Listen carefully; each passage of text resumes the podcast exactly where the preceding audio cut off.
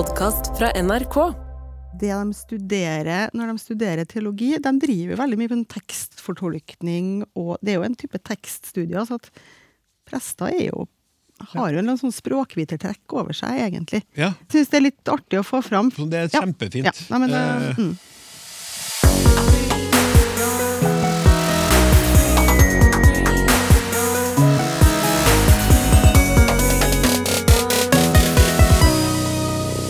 Det kan bli ramaskrik om du maler fanden på veggen. Da er det bare å krype til korset med hengende hode. Eventuelt kan du toe dine hender, slå deg på brystet og servere noen andres hode på et fat.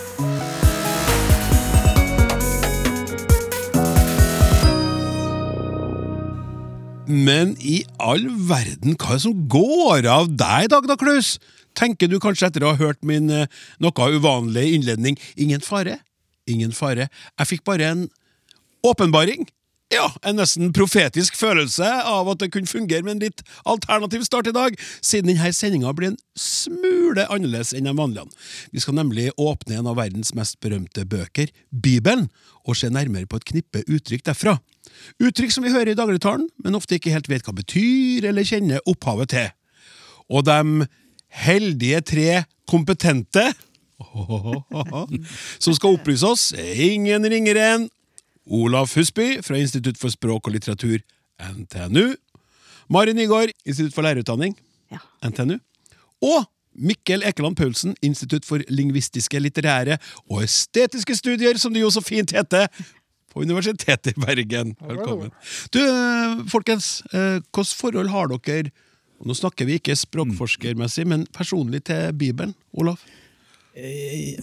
Litt, litt annet forhold enn enn det religiøse. Jeg fikk for noen år siden et gammelt sånn familietre. Og det leda da ned til 1070, og da dukka det opp en person som uh, leda inn i ynglingesagaen. Og der er det jo en forbindelse i Bibelen, så plutselig så hadde jeg et tre hvor jeg var, jeg var jo i slekt med Jesus, og helt ned til Adam. Og såpass. Jo. Nå har du liksom tatt nøven av alt som kommer av forholdet ellers. Hvis ikke noen kan toppe med sånn Ja, vi går tilbake til minus eh, barndommen, oppveksten, Bibelen. Ja, det, nei, ikke noe aktivt. Vi hadde jo bibelhistorie på skolen, og det syntes jeg var artig, for det var historie og fortellinger, og Jesus gjorde jo mange rare ting. Og jeg husker skuffelsen, kanskje det var fra andre til tredje klasse, eller fra tredje til fjerde, når vi fikk samme bibelhistorieboka på nytt. Ja. Det var ikke noe utvikling. Nei, det skjønner jeg veldig godt. Ja. Uh, Mari? Ja, forhold til Bibelen. Jeg er nok vokst opp med ja, i en, en kristen familie, eh, så jeg har litt forhold til det, ja. Eh, Ja. Jeg husker særlig fra jeg var lita, det var en sånn eh, serie med barnebøker, sånne illustrerte barnebøker med lignelser, Husker det? som jeg var likte veldig godt, og som vi hadde. Og som jeg tror jeg egentlig drev og Jeg tror jeg lekte dem ut ganske ofte, så jeg Ja. kunne finne meg Jeg har hørt historier om meg sjøl der jeg dramatiserte Ja. ulike deler. av- Jeg var blant annet en tigger som satt på ei trapp og ropte på Jesus som at han skulle komme og hjelpe. Ja. Ja, på et tidspunkt. Mm. Mikkel, eh, hvilket forhold har du til dette?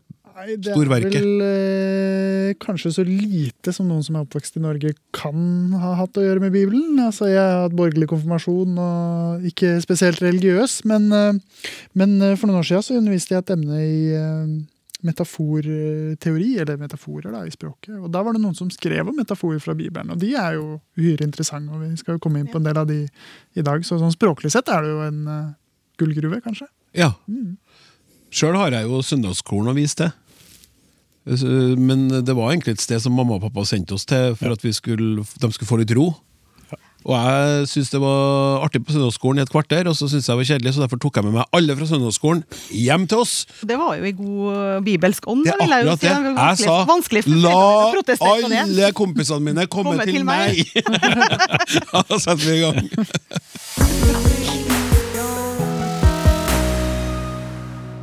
Og nå starter vi rett og slett denne eh, ja, hva skal det, en slags liten spesialsending med å male fanden på veggen.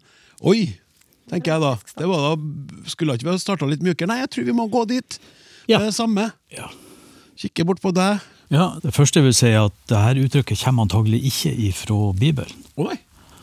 Og det betyr jo kanskje å, å framstille en sak verre enn enn hva den er, ikke sant? Eller å anta det verste, da. Eh, jeg fant, ut, jeg fant en, en, en poet som heter Jean Dalby, som på slutten av 2000-tallet sa 'Jeg maler fanden på veggen, så vet jeg hvor jeg har ham'. Ja, fin, da. Ja, så det var jo en vri, for det her er jo et, et, et uttrykk som er er gammelt. Altså, de eldste kildene jeg har funnet, de går helt ned på, på 1300-tallet. Og eh, det blir jo tatt i bruk. Det er åpenbart et veldig sterkt uttrykk der å male fanden på veggen. på en måte, se han konkret. Så eh, det har jo vært antatt at Luther er et mulig opphav. Eh, Men det kommer jo at man, Luther har òg brukt det her uttrykket. Han advarer mot å, å male djevelen over døra. Ja. Og, og, og med Luther så kommer jo reformasjonen, og den brer seg jo over i Skandinavia. Så vi finner det uttrykket i, i danske skrifter hvor man, en Peder Syv sier at man har ei behov for at male hannen på veggen. Han kommer vel selv inn i huset. Ja. Men det er kanskje litt annen annen betydning, ja. litt annen betydning enn enn- enn den vi, eh, vi har i dag. Da. Så, så fram til, eller I dag så sitter vi jo og kanskje er litt bekymra og, og overdriver en slags negativ, et negativt utfall av en, en hendelse. Ja, Jeg ser for meg også kanskje at du har en sånn politisk diskusjon, nærmer seg valg. Så sitter noen og sier hva Ja. som kommer til å skje hvis vi fortsetter med det her Ja, politiske ja, styret. ja, ja. Og så sier da den som blir kritisert nå, Ja. maler du jo fanden på veggen, Ja, så det ja, holder her. ja. For har ikke vi så Kan jo også brukes Ja, der, ikke ja, sant? ja. Og så har vi jo et, på en måte et, et, en, en, det motsatte uttrykket også som er veldig godt. Når du snakker om sola, så, så skinner den. ikke sant? Så det blir på en måte det- gode som da kommer fram. ikke sant? Ja. Ja. Vi, Vi kunne vel neppe si det om noe negativt. De er på en måte sånn betydningsmessig i samme, i samme retning. Ja. Eh, Det er en som heter Ivar Tryti, som i ei bok som heter 'Språkets ville vekster'. Han har spekulert på at det her eh, uttrykket har noe er relatert til, eh, til eh, forestillinger fra folketrua. da. Altså, i, I tidligere tid, eh, når man snakker om ulykke eller noe, noe negativt, så måtte man være forsiktig med å bruke de reelle betegnelsene på de tingene, for da kunne det på en måte gå troll i ord. ja. Så et ord som ulv ble da erstatta med, med gråbein eller, eller varg, f.eks. Det er litt sånn som i eh, ikke Harry Potter. Da. De har sånn 'han hvis navn ikke man er funnet'. ja, det er helt riktig. Og, i- og i teatret så skal du vel ikke Er det ikke Macbeth du ikke skal snakke om? Det stykket, det er noe med et stykke som du ikke skal ta inn, eh, som, som bare omtales som noe annet. Ja. Det er sånn overtro, at du omgår det. da. Si gråbein, eller Ja, det her er jo en, en, en teori, da, at, at du maler fanden på veggen, så er det skummelt på grunn av at han kan virkelig komme. Ja. Og, ikke sant? Men nå har vi fått en nye betydninga. Eh, bare lyst til å si en ting til om, om, om fanden. For at nå bruker jo jeg en, en, en sånn skriftnær uttale. Og det tror jeg gir ordet en litt sånn hva skal jeg si, offisiell, eller litt mer kanskje høytidelig, riktig klang. Eh, Så jeg tror kanskje fra en preikstol så jeg kan nok tenke meg til at en prest kunne si man må ikke male fanden på veggen. Mm. Men jeg tror ikke presten ville sagt man må ikke male faen på veggen. Nei. Sånn at når du da får en dialektal uttale av de her eh, tabuordene, og det er jo mange av de, så tror jeg faktisk de får en, en større kraft. altså. Ja. Så ved å male fanten på veggen, så man tar ikke ut det fulle potensialet hans. Nei. Ja, men jeg har hørt det der, den, en myte knytta til Martin Luther. da.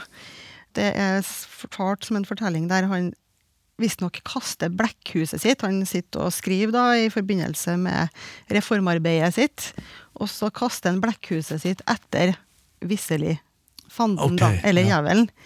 Og at det ble en blekkflekk på veggen, som da Som ble- ennå finnes. Ja. Ja. Og da var det, det er liksom fanden på veggen.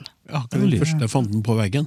Det er litt interessant teologisk, det her. da, for Ja. Fanden bekjemper da protestantismen på vegne av hvem? Ja. Det var Jeg spurte han presten, han skrev Fanden finnes ikke i Bibelen, skrev han. Nei, Nettopp. nei, det uttrykket finnes ikke i Bibelen. Jeg har det samme. Ja, Ja. ja, ja, ja. Da, vi har flere ord å bryte oss på, så vi bare fortsetter. Da syns jeg passer veldig bra å gå fra å male fanden på veggen til å For det, da kan jo noen lage ramaskrik, Ja. tenker jeg, Mari. Mm. Ikke sant? Som jeg sa i åpninga òg. ja, det kan man. Og det her er det, er mye spennende å si om, egentlig. Ja, og, og egentlig, du kan bare gjøre det. Jeg tror jeg gjør det. Ja, ja. Oppe i det. Ramaskriket kommer fra Matteusevangeliet. Altså det er egentlig, nå beveger vi oss litt sånn inn i juletematikk, da, Fint. Vil vi si. Ja. Selv om det kanskje er ramaskrik og jul, det er vel ikke det du nødvendigvis Vil ha kobla sammen. ja. Jeg trenger ikke å gå videre inn på det. Det kan være alle slags ramaskrik opp mot julehøytiden. Men det var ikke dit vi skulle nå, da. Eh, hvis vi tenker på eh, det som kalles for barnemordene i Betlehem, altså i forbindelse med juleevangeliet, så var det de tre kongene, vismennene. De hadde vært og funnet barnet, altså den nye kongen, Jesus. Men da de ikke dro tilbake til Jerusalem og varsla om hvor det barnet var hen, så ble han her Herodes Kong Herodes. kong Herodes. Han ble da så rasende når han ikke fikk vite om det, og fant ut at de ikke hadde gjort som de ble bedt om. At da sendte han ut befaling om å få drept alle guttebarn som var to år og yngre. Oh. Det er saftige saker i Bibelen. Ja. Og da står det altså eh, Da ble det ordet oppfylt som er talt gjennom profeten Jeremia.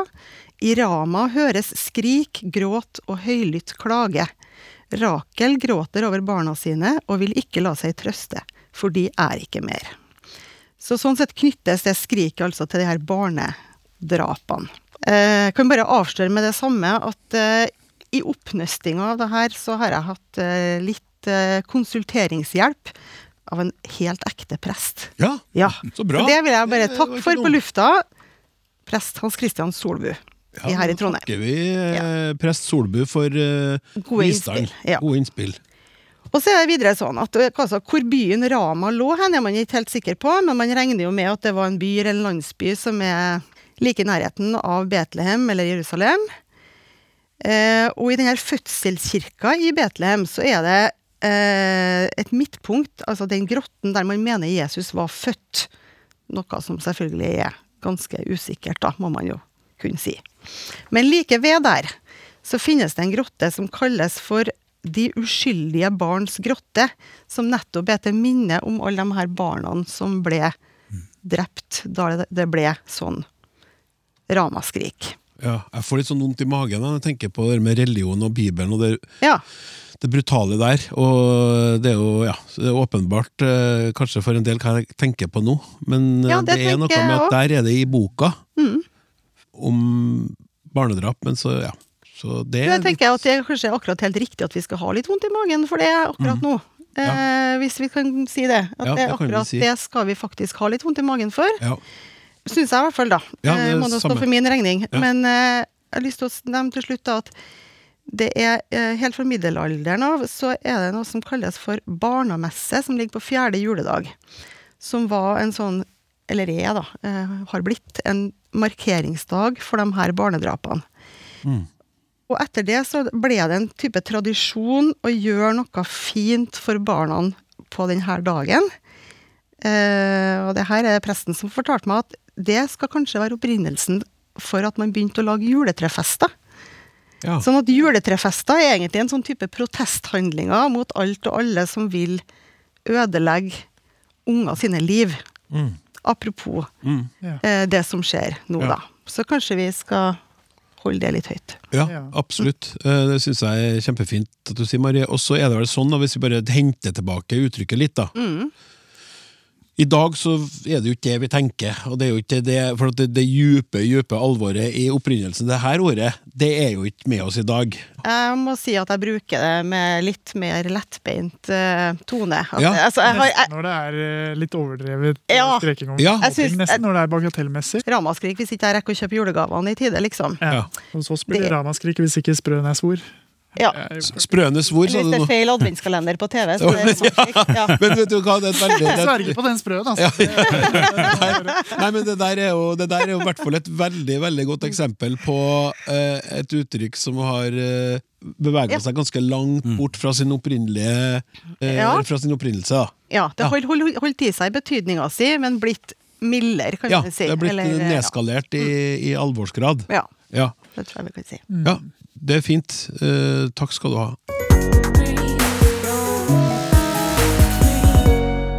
Ja, du hører på Språksnakk, eh, og vi, vi driver og ser på uttrykk som eh, kommer fra Bibelen, eller som mange oppfattes som om kommer fra Bibelen, rett og slett. Det vi kanskje eh, vil ha som en oppdagelse i dag, at noe er faktisk derfra, det vi finner det i teksten, og andre ting er kanskje henta ut av eller satt sammen av, osv.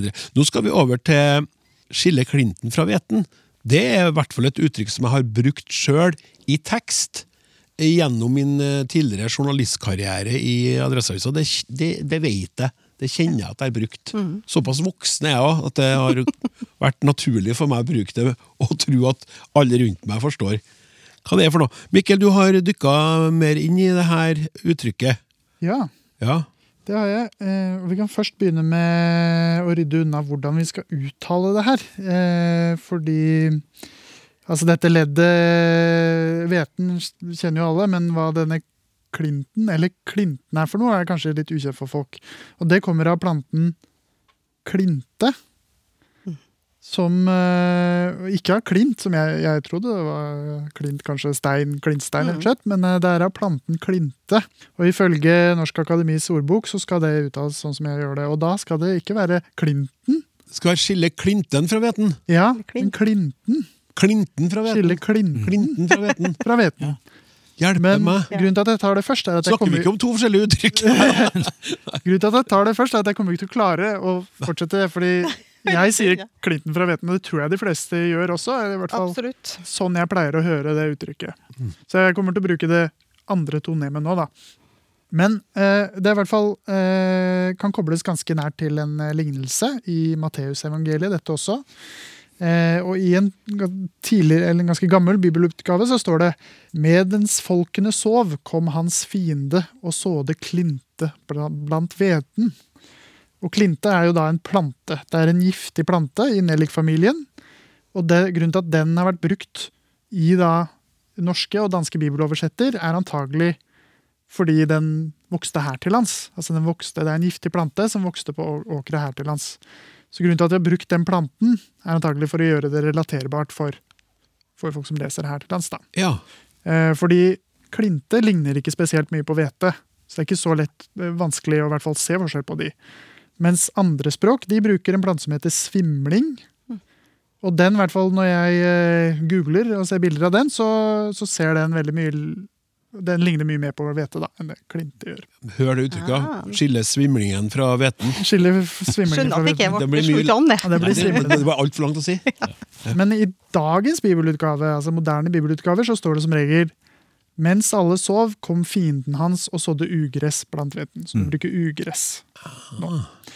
Men eh, for å forklare lignelsen litt, da, hvert fall, så handler det om en mann som har sådd godt korn, og så om natta så kommer fienden hans og sår ugress da blant hveten.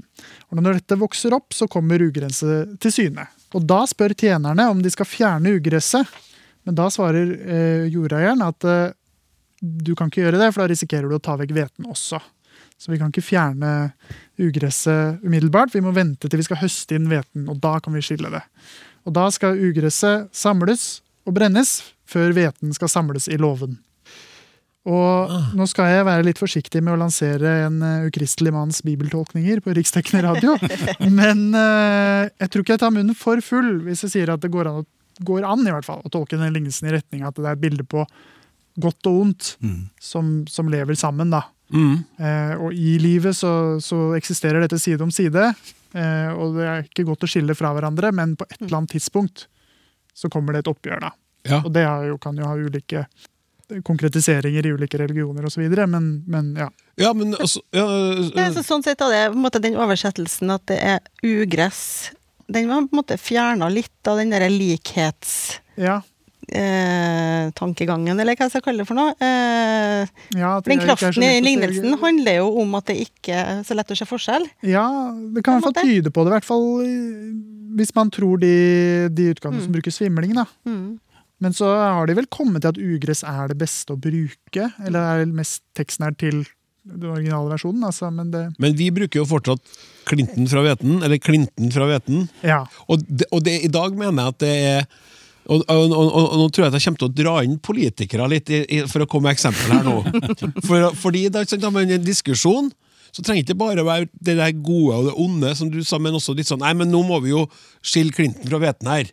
For det, det der blir jo bare tull. Altså, det viktige fra det uviktige også. Ned på det, ikke sant? Ikke bare det gode og det onde, men må vi rydde bort de her argumentene der, for dem er det jo bare fjas. ikke sant? Det, det som var det viktige her knytta til det veiprosjektet, var jo at. ja. Så man kan også bruke det der, tenker jeg, da. Ja, det, det er nok riktig, og det stemmer nok eh, at det blir brukt på den måten også.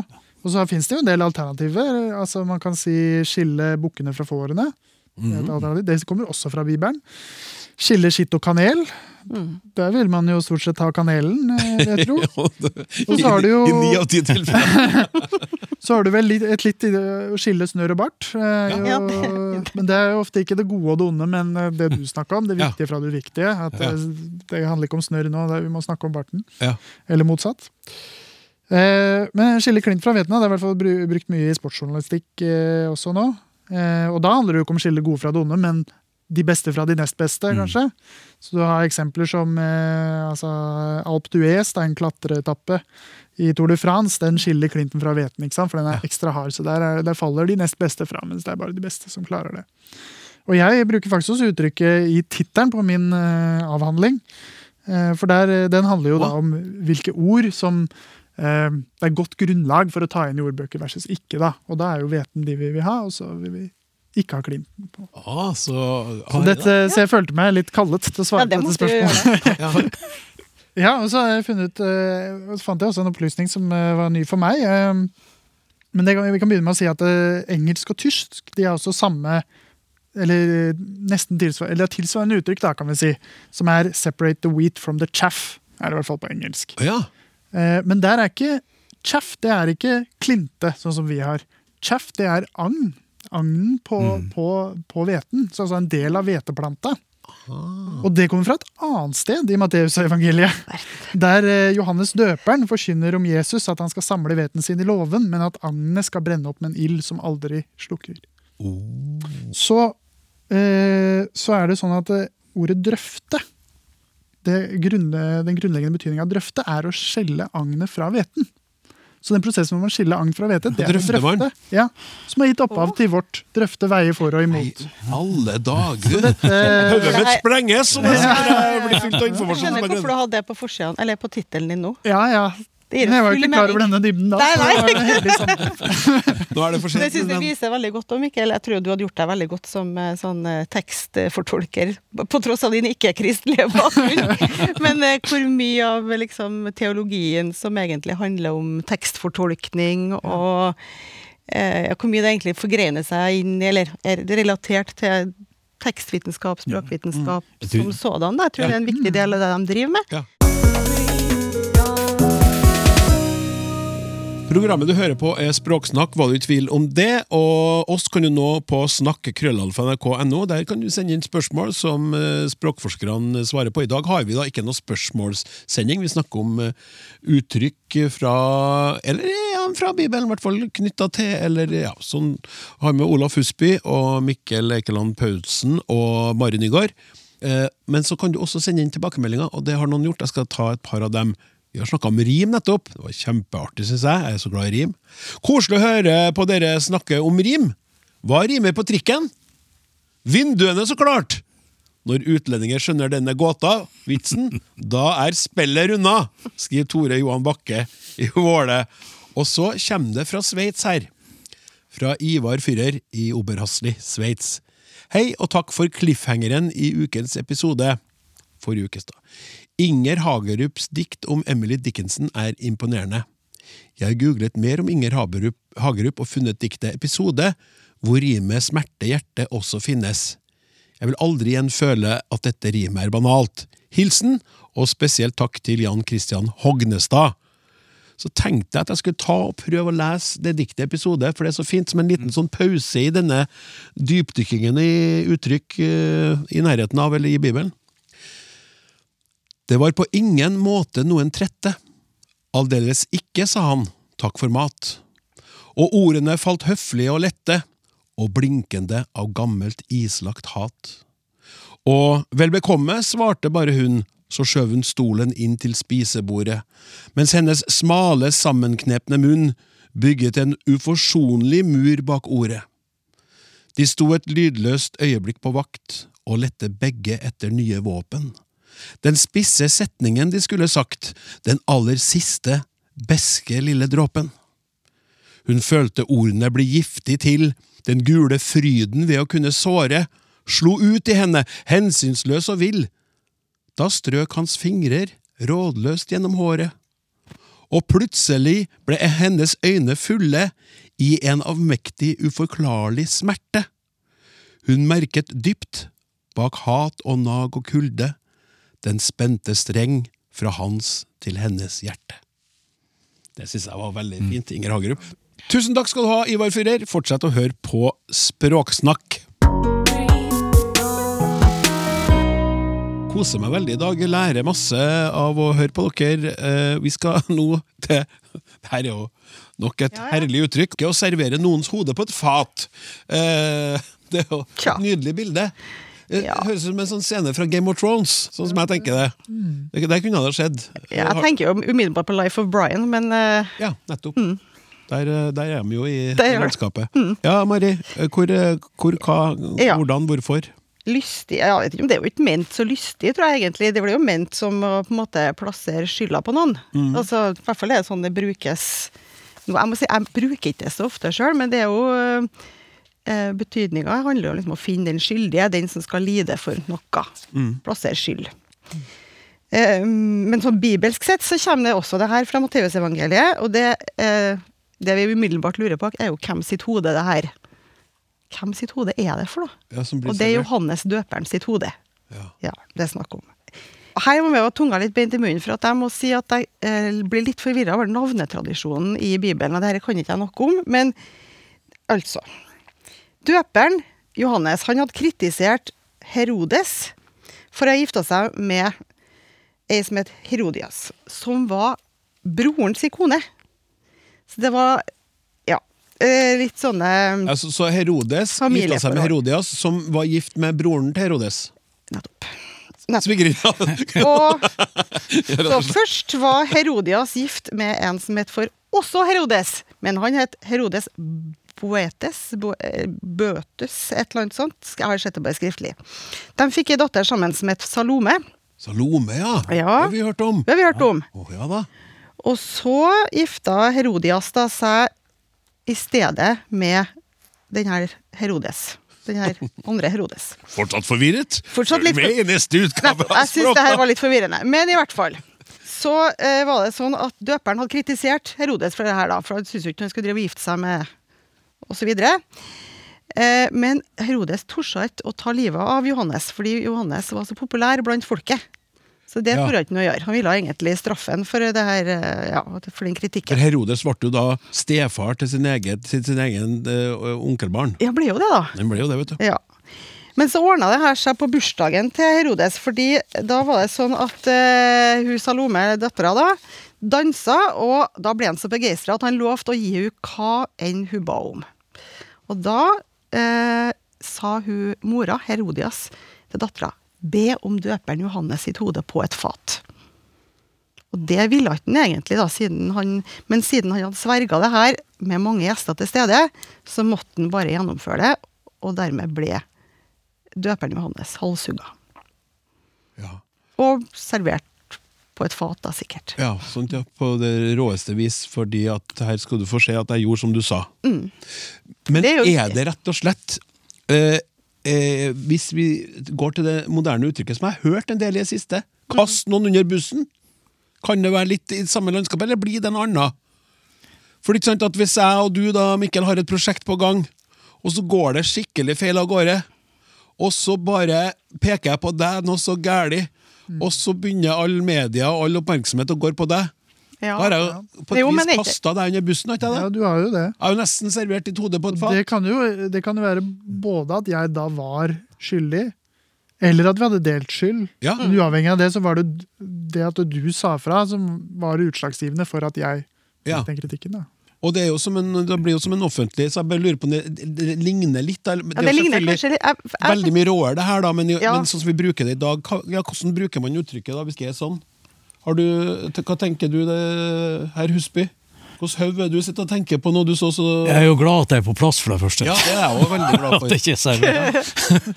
Men eh, nei, det er et uttrykk som jeg ikke, ikke bruker. Det kan hende at det, altså det, det, det treffer ikke på en måte noen sånn ut- uttrykksmessige behovet har, egentlig. Altså, Å kaste under bussen skjønner jeg jo. Men altså, å å få hodet servert på et fat altså, Jeg ser mer for meg altså, den dødsdommen og, og, og beviset på den. altså. Ja, skjønner. jeg. Ja, det er jo selvfølgelig Men det er jo sånn Ja, jeg vet ikke, jeg bare fikk den innskytelsen. Nå sitter jeg jo her som leg, legmann og kan bare hive ut det jeg vil. Akkurat her er vi jo litt legmenn alle sammen, tror jeg, på Ja. de bibelske fortolkningene. Ja. Men brutalt er det i alle fall. Og det er jo uansett sånn som jeg, for jeg har hørt uttrykket noen gang, og da skjønner man jo at det er alvor, og at det ikke er særlig gunstig for den personen som da selvfølgelig ikke får hodet sitt kappa av, men som da blir offer for denne handlinga. Som, sant, det er jo ikke noe bra, det som skjer med den personen som blir offra, som blir servert på et Det er jo ikke bra, nei. Nei. Da, er man, eh, da har vi plassert skylda tydelig. Ja, nettopp. Ja. Nei, men det, er så det er lystig, lystig. Det er, og det er veldig, Det er jo mye veldig mye. Matteus. Ja. Veldig mye Matteus, altså. det var det. Evangelium. Herodes har dukka opp flere ganger. Sånn, det er interessant. Vi får se om det fortsetter på denne måten. For nå skal han Olaf Husby få lov til å snakke om å krype til korset. Og det er jo selvfølgelig litt sånn annerledes i valør enn å servere noens hode på på et fat. Da snakker vi bibelsk bilde som er av en annen art, ja. Ja, altså nå, eh, For det første er jo ikke Matteus med her i å krype til korset. Og begrepet kryp, kryp til korset finner man nok ikke i Bibelen heller. Hæ?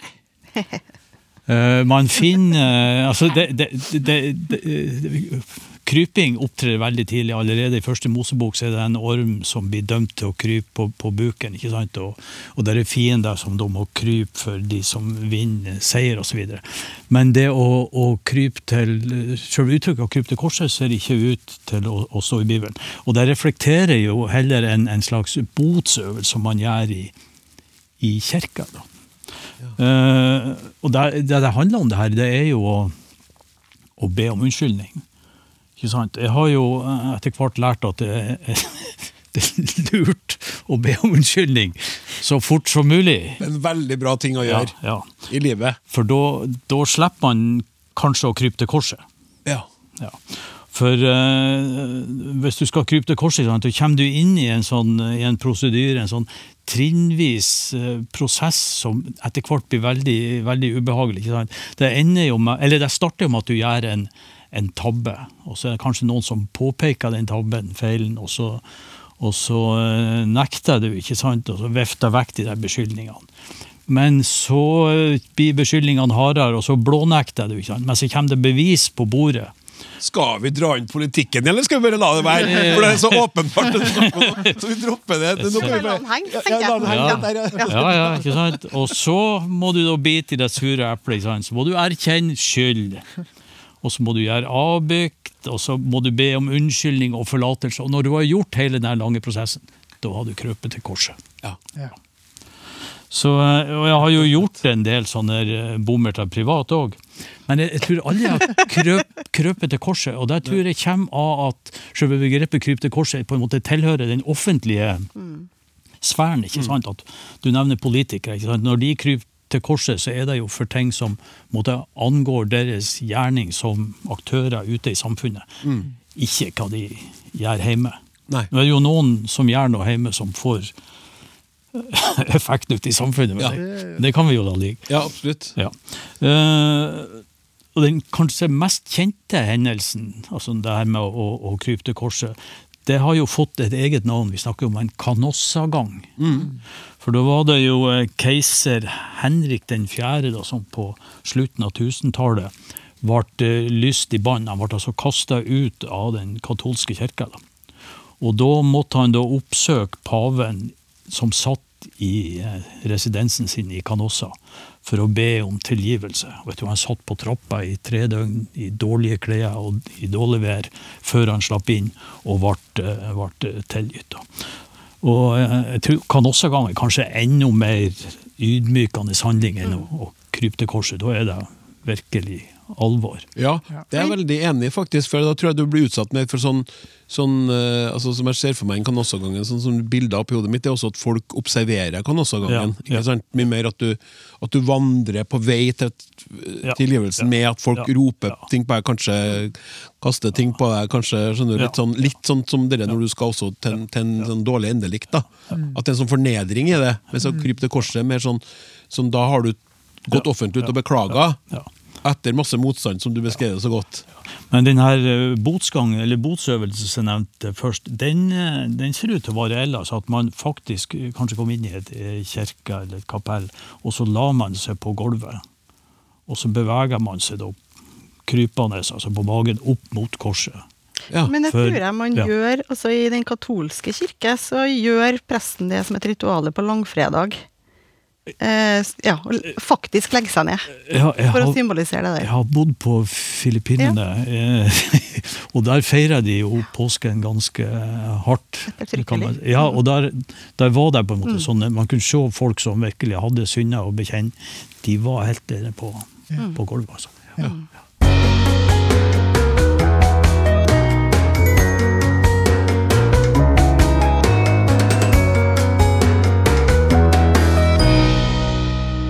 Språksnakk heter programmet, og i dag så tar vi for oss eh, uttrykk eh, fra eller altså fra Bibelen og eller sånne litt sånne religiøse uttrykk som har kommet inn i dagligtalen. da, Som vi bruker uten egentlig å vite helt hvor, hvor kommer det fra. Men nå får vi forklaringa. Det her er jo kjære lytter, noe sånn, sånn perfekt sånn til quiz eller søndagsmiddagen. ikke sant? Og så snakker man rundt om ting, og så sier du bare 'Visste dere at?' Og så kommer det da noe fra dagens eh, sending. Eh, og nå skal vi over til å toe sine hender. Eh, man toer sine hender, det er et uttrykk som jeg kjenner. 54 år gammel mann. Har eh, en viss formening om hva det betyr. Aner ikke hvor det kommer fra. Eller gjør jeg kanskje Kan det når jeg tenker meg om. Eh, Mikkel? Ja. Eh, dette har sammenheng med Jesu korsfestelse. Eh, og det er da altså eh, Pilatus som eh, jo blir nødt til å dømme Jesus til døden. Han vil ikke, men han, det er folkets vilje.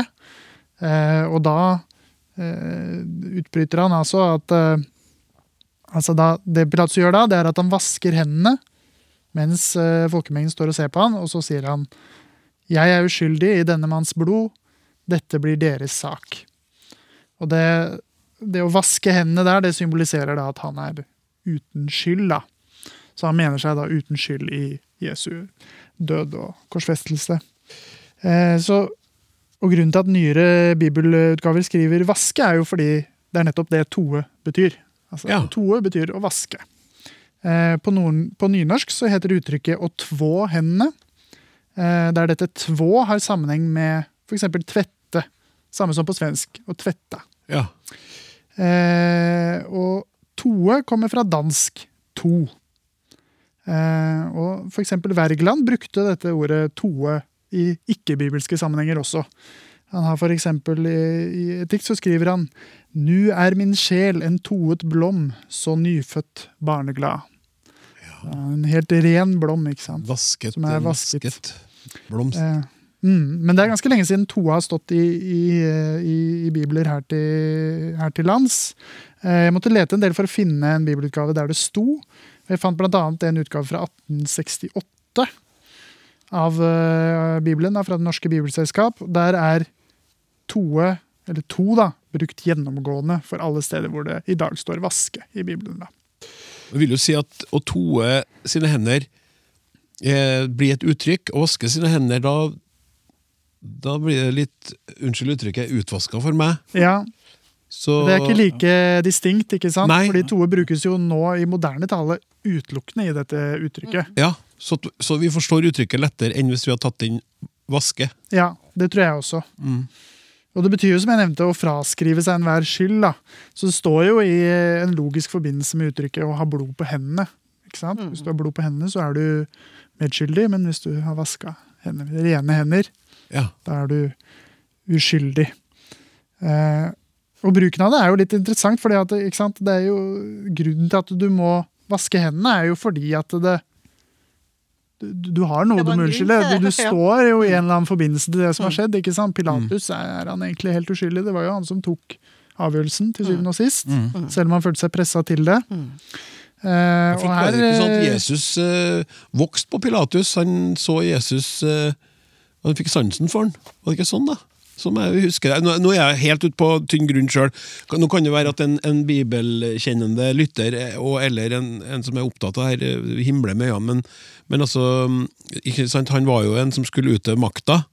Men så fikk han jo sansen for det som, som jeg husker da Han finner i hvert fall ikke noe eh, skyld hos Nei, Jesus. sant? Han mente Nei. at det var ikke, var, det var ikke rett, det som skulle skje. Nei. Han, han begynte å Han lytta plutselig til sitt eget hjerte, og da får man jo problemer innimellom. Man får samvittighet og alt det der oppi sin gjerning. Ikke sant? Sorry, jeg bare Ja, ja, ja. Jeg bare får sånn vondt av eh, Pilatus-skikkelsen òg, da. ja, ja. ja dere, og, absolutt. Ja. Men han eh, ja. Det blir jo en måte å symbolisere da, på en måte at ok, jeg, jeg gjør en ting og, og noe annet samtidig. Jeg både sier at det er uskyldig og eller at han er uskyldig ved å vaske meg, men jeg utøver. Da har jeg signalisert. Jeg, jeg Begge deler. her. Jeg, jeg hører etter, for det er min jobb å gjøre det, men jeg ville ikke ha gjort det. Hvis jeg hadde fått bestemt, så hadde det ikke skjedd. Mm. Men så kunne han jo egentlig kanskje også bestemme, er det vel du litt innpå da. Det vet vi jo ikke helt. Nei, altså Jeg har jo studert litt den moderne bruken, og det er jo selvfølgelig en del eh, politiske saker her òg. Jeg var nesten sikker på at jeg kom til å finne eksempel på Erna Solberg toer sine hender, eh, for eksempel. Eh, det fant jeg ikke, men jeg har funnet formuleringa 'Statkraft toer sine hender' i mange sammenhenger i forbindelse med da De driver jo Fosen-saken. med Ja. vann, Ja. så At de mener seg uskyldig i oppføringa av da, de vindmøllene. Ja, Mm. nettopp. Takk skal du ha.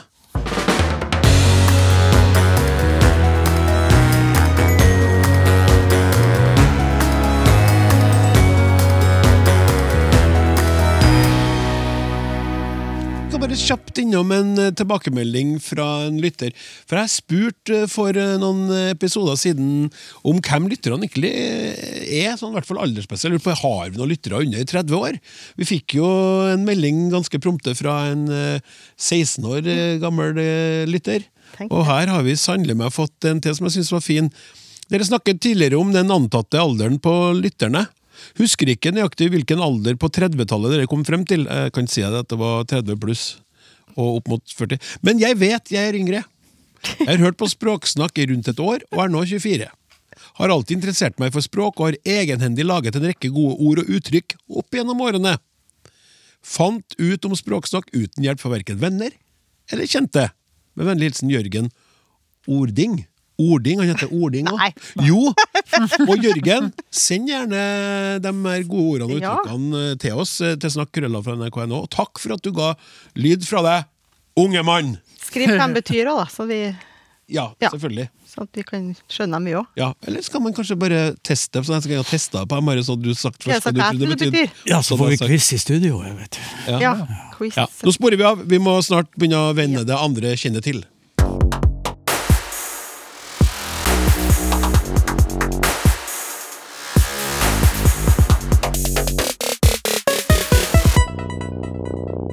Han heter vel strengt tatt Ording, når jeg tenker meg om, men eh, det var så artig at det sto Ording, så det, er- men det er vel det som er riktig. Men eh, altså, det her, det her er et uttrykk som mange kjenner. Og venner det andre kjenner til. Det, det, det, det, det, det påstår jeg, uten å ha noe slags behold, behold, Hva heter det? Noe slags belegg for det uh, gjennom undersøkelser. Så Så konkluderer du sånn. Jeg, Jeg, jeg gjør det, altså. Det er Ja. et av de mer kjente. Ja. Og hvis ikke her er fra Bibelen ikke her fra Bibelen? Jo. Takk. Vel, sånn hadde alt rakna. Du måtte avlyse hele sendinga. Dette er fra Bibelen. Ja. Um, det er fra den såkalte bergprekenen, eh, der Jesus kritiserer det som var liksom Ja, det her er et tilsvar på noe, da. Og det Jesus kritiserer i bergprekenen, det er den tanken om det som kalles for øye for øye og tann for tann. Så vi spoler litt tilbake. Um, det som eh, det her øye for øye og tang for tang, Ikke tang, men tann for tann. Eh, kommer fra det som kalles for Moseloven, som er den loven som eh, ble gitt av Gud på Sinai-fjellet, og som ble grunnlag for det religiøse livet i det nye samfunnet etter det. Og i denne Moseloven så finner man noe som heter eh, loven om drap og skader. Det er jo ganske eksplisitt, hva man kunne si. Da står det som så Hvis det skjer noen skade, da skal du gi liv for liv, øye for øye, tann for tann, hånd for hånd, fot for fot, brennemerke for brennemerke, sår for sår og skramme for skramme. Straffen skal være som, eh, Skal være som forbrytelsen var. Nettopp. Og det var jo det som eh, i bergprekenen, da, som Jesus eh, protesterte mot, og sa at i, i det nye Altså, det er jo bergprekenen en sånn type tale om hvordan Jesus ville at livet skulle bli etter han, da, rett og slett, eller som etterfølger etter den nye, den nye æraen. Eh, da skulle det nettopp ikke bli sånn at det var øye for øye og tann for tann osv. Eh, men derimot skulle det heller være sånn at man venter det andre kjenner til. Sett dere ikke til motverge mot den som gjør ondt mot dere. Om noen slår deg på høyre kinn, så vend også det andre kinnet til. Mm. Så det å møte Ikke vold. Ikke møt ondskap med ondskap, men møt ondskap med godhet, da. Ja, og, og et brudd med hevntanken, da. Et brudd med hevntanken Ja. for å komme videre i samfunnet, egentlig. Og det som blir veldig farlig for makthavere, Ja. eh, som har våpen og bruker vold som et uttrykks... Eller som en sånn, også som en sånn aggresjons... Mm. For å ta en motstander. Hvis en motstander ikke yter motstand, gjennom så fysisk motstand, så tror jeg Jesus uroa jo veldig og forvirra veldig Ja. romerne, for at han gjorde jo ikke som Gjorde ikke de var vant til. han oppførte seg egentlig ut fra en helt annen type logikk, da. Ja. Og vi har jo masse eksempler på andre kjente mennesker gjennom historien også, som har gjort det samme, og som har forarga motstanderne like mye, og forundra og forvirra, fordi at de ikke har tatt til motmæle gjennom vold. Ja, og på samme måte har vi også en sånn Den lever jo fortsatt i Uten at jeg skal trekke fram eksempler, så lever jo den her øye for øye, tann for tann-logikken også. Vi Den lever, ja. Jo, den, eh, Ja, absolutt, den lever her. eh, Men den altså, lever jo i, i, i beste velgående Ja, i mange er er- sammenhenger. Den eh, som vi stadig må prøve å bekjempe på ja, ulike vis. men det er to som jeg kommer på i farta, da, Gandhi og Martin Luther King jr. Ja. Sant? De ble jo begge tatt av dage av folk som uh, trodde mer på den varianten. Uh, I Moseboken. ja, rett og slett. Ja.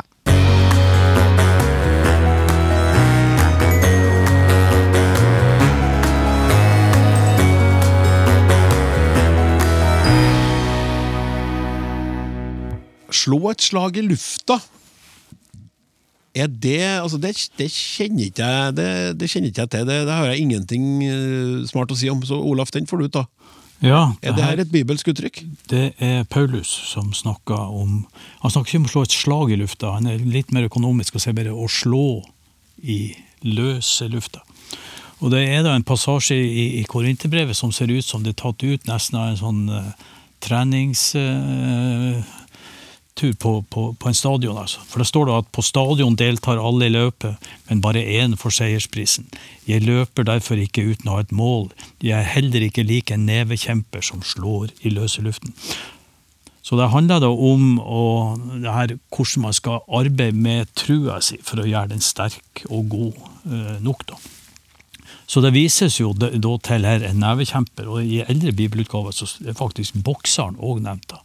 Ja. Og det får jo til å tenke på den der kjempen som står og holder en Charlie Chaplin i hodet, og så går jo armene som trommestikker i, i løse lufta. Ja, det er sant. Ja. På en Charlie, ja. Ja. Så, så uh, betydninga her, den er jo da å, å gjøre noe som er, er bortkasta, eller noe som ikke fører til noen ting. ikke sant? ja. Ikke bruk kreftene sine unødig. Og vi har jo andre uttrykk med løse lufta. Man ser ut i løse lufta, man svarer ut i løse lufta, og ting henger i løse lufta. Og man tar noe ut av løse lufta. Så det løse lufta, altså det tomme rommet, er åpenbart en sånn rik kilde til, til Ja, og litt sånn negativt. Litt sånn, litt sånn sted, Det er ikke noe mening, det ikke noe mening å drive og Ja, nei, styre med det. det, det er lite å hente ut derifra, ikke sant? Ja. ja. Ja, Fint.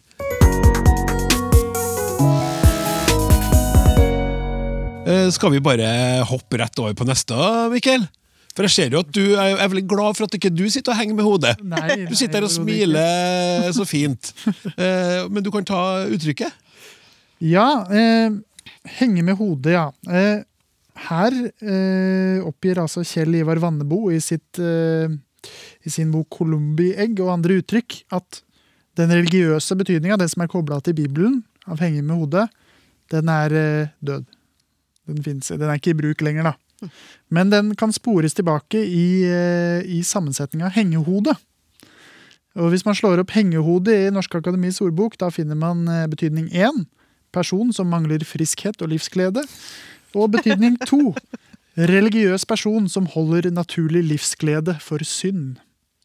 Oi, ja, det er jo Ja, det Jeg er så liksom for meg en sånn vissen plante som bare Ja. På en betydning igjen, da. Ja, ja. Som hang Og det er jo morsomt, ikke sant? for dette er jo et uttrykk som bygger på Det er jo en visuell eh, metafor, egentlig. Det er en, det er en kroppstilstand som symboliserer en sinnstilstand. ikke sant? Mhm. Det at du har har litt sånn hengete kroppsholdning, det indikerer at du har en litt hengete sinnsstemning, kanskje. Ja. Eller at du er litt nedstemt. Og den gjør bruk av en, en sånn ganske bred metafor, der vi ser for oss en slags vertikal akse, hvor alt som er oppover er bra, og alt som er nedover er dårlig. ikke sant? Og det finner vi igjen i mange uttrykk som i å være nedtrykt eller nedstemt, eller, eller være høystemt, eller at det, det er synkende stemning. Ja, det er mange uttrykk som, som bygger på den metaforen. da. ja.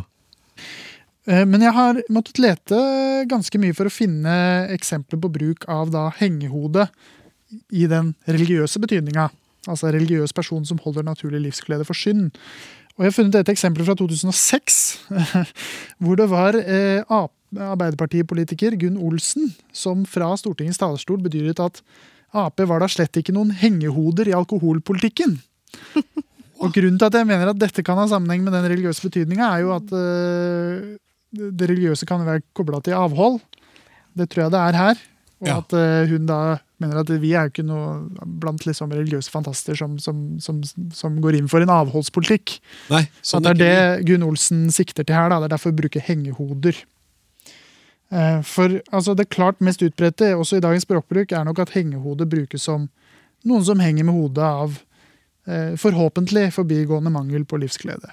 Ja. Sånn som for eksempel Rosenborg etter en skuffende start. Ok, vi går videre. Vi har bare ett uh, uttrykk igjen, så da er vi i mål. Uh, så kikker jeg bort på deg, Mari.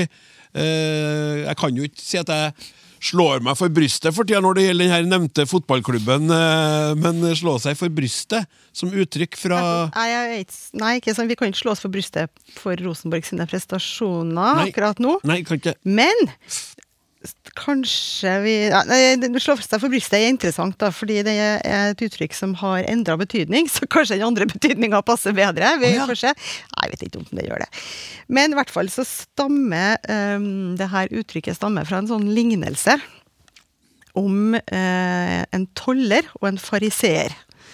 Og da var det sånn at eh, fariseeren det var typisk en sånn rettroende, en som gjorde det riktige i forhold til den nevnte Moseloven, og som liksom var rettskaffen på alle vis og fulgte regelen. Nesten et hengehode, si. Eh, kan du si. Og så tolleren var jo oppfatta som eh, i samfunnet som eh, kanskje litt mer upopulær, holdt med med penger, krevde inn ting, var mer, kanskje mer syndig. Eh, så, ja, skal ikke ta hele lignelsen her, men det handler i hvert fall altså Det kommer til et punkt der eh, tolleren slår seg til brystet, slår seg for brystet, som et tegn på sin uverdighet. Og så sier han 'Gud, vær meg i mine synder nådig'. Så han på en måte ja, legger seg flat, da, eller hva skal jeg si. Og sier, å. Så det er på en måte den opprinnelige betydninga av å slå seg for brystet. Mens, eh, og som vi kan finne igjen i Sånn som i eh, jeg tror det er den katolske kirke, så kan man gå fram når det er nattvær, så kan man gå fram og så kan man legge hånda på brystet. eh, som et tegn på at man ikke er verdig til å ta imot nattverden. Altså, og, og noen type mea culpa, det er min skyld, litt av Ja. meg synd, den type. Ja, eh, og det er beslekta. Men så, eh, den betydninga du ville slå deg på brystet, eller ikke slå deg på brystet Ja, eh, med, da, skal jeg si. Det er jo en litt mer sånn type Tarzan-aktig slå seg for brystet, Ja. som ikke har så mye med Bibelen å gjøre, kanskje. Nei, eller mer motsatt. Eh, da, at, du- at du brisker deg, da. Ja, litt At sånn eh, så sjølsikker og Rosenborg vet du, kjempe, og ja. kjempelag. Mm. Bryr meg ikke om hva Mikkel sier, vi er knallbra, vi. Sjøl når vi taper, så vinner vi, vi. Så kanskje er vi heller der at Rosenborg må liksom legge hånda for brystet og si jeg er ikke verdig denne serien Nei, jeg skal ikke gå dit. Jeg er ikke verdig de her, alle de her tusener på tusener av tilskuere som kommer helg etter helg og bruke masse penger på ja, Men enig. Hvis. Eh, Det var ikke mine ord. Nei, var ikke- I hvert fall ikke dine, tror jeg. OK.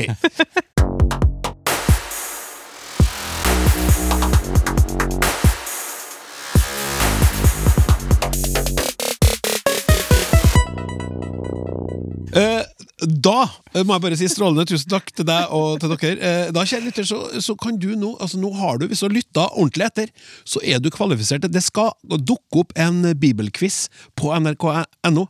Prøv å lete litt på forsida, eller søke opp bibelquiz.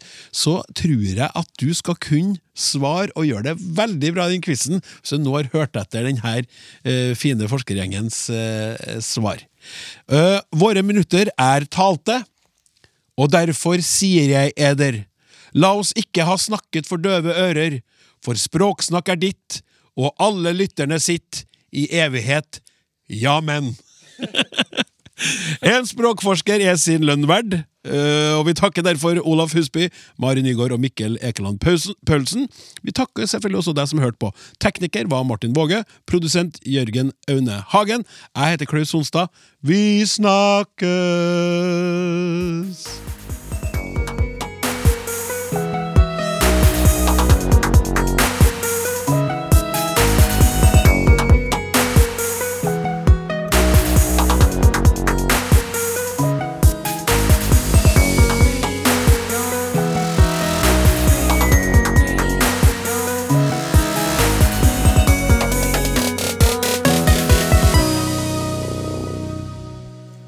Hallo, hallo, du, før du går videre med livet ditt, ut av denne podkasten inn i en ny en. Eller før du tar av deg headsetet, Ja. eller uh, velger noe annet eventuelt. Dette er jo Livet, jeg heter Ronny, og vi har lyst til å invitere deg på juleselskap hver dag i desember i vår podkast som heter Julestemning!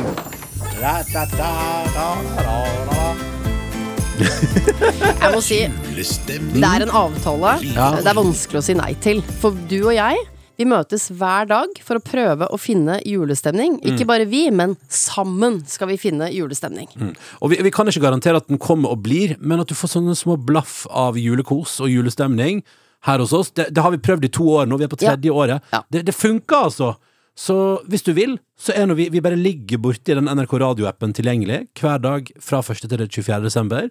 Bli med hvis du har lyst. Inn i julekottet sammen med oss. Det blir ikke ujulete, i hvert fall. Julestemning med Live og Ronny. Hør alle episodene kun i appen NRK Radio.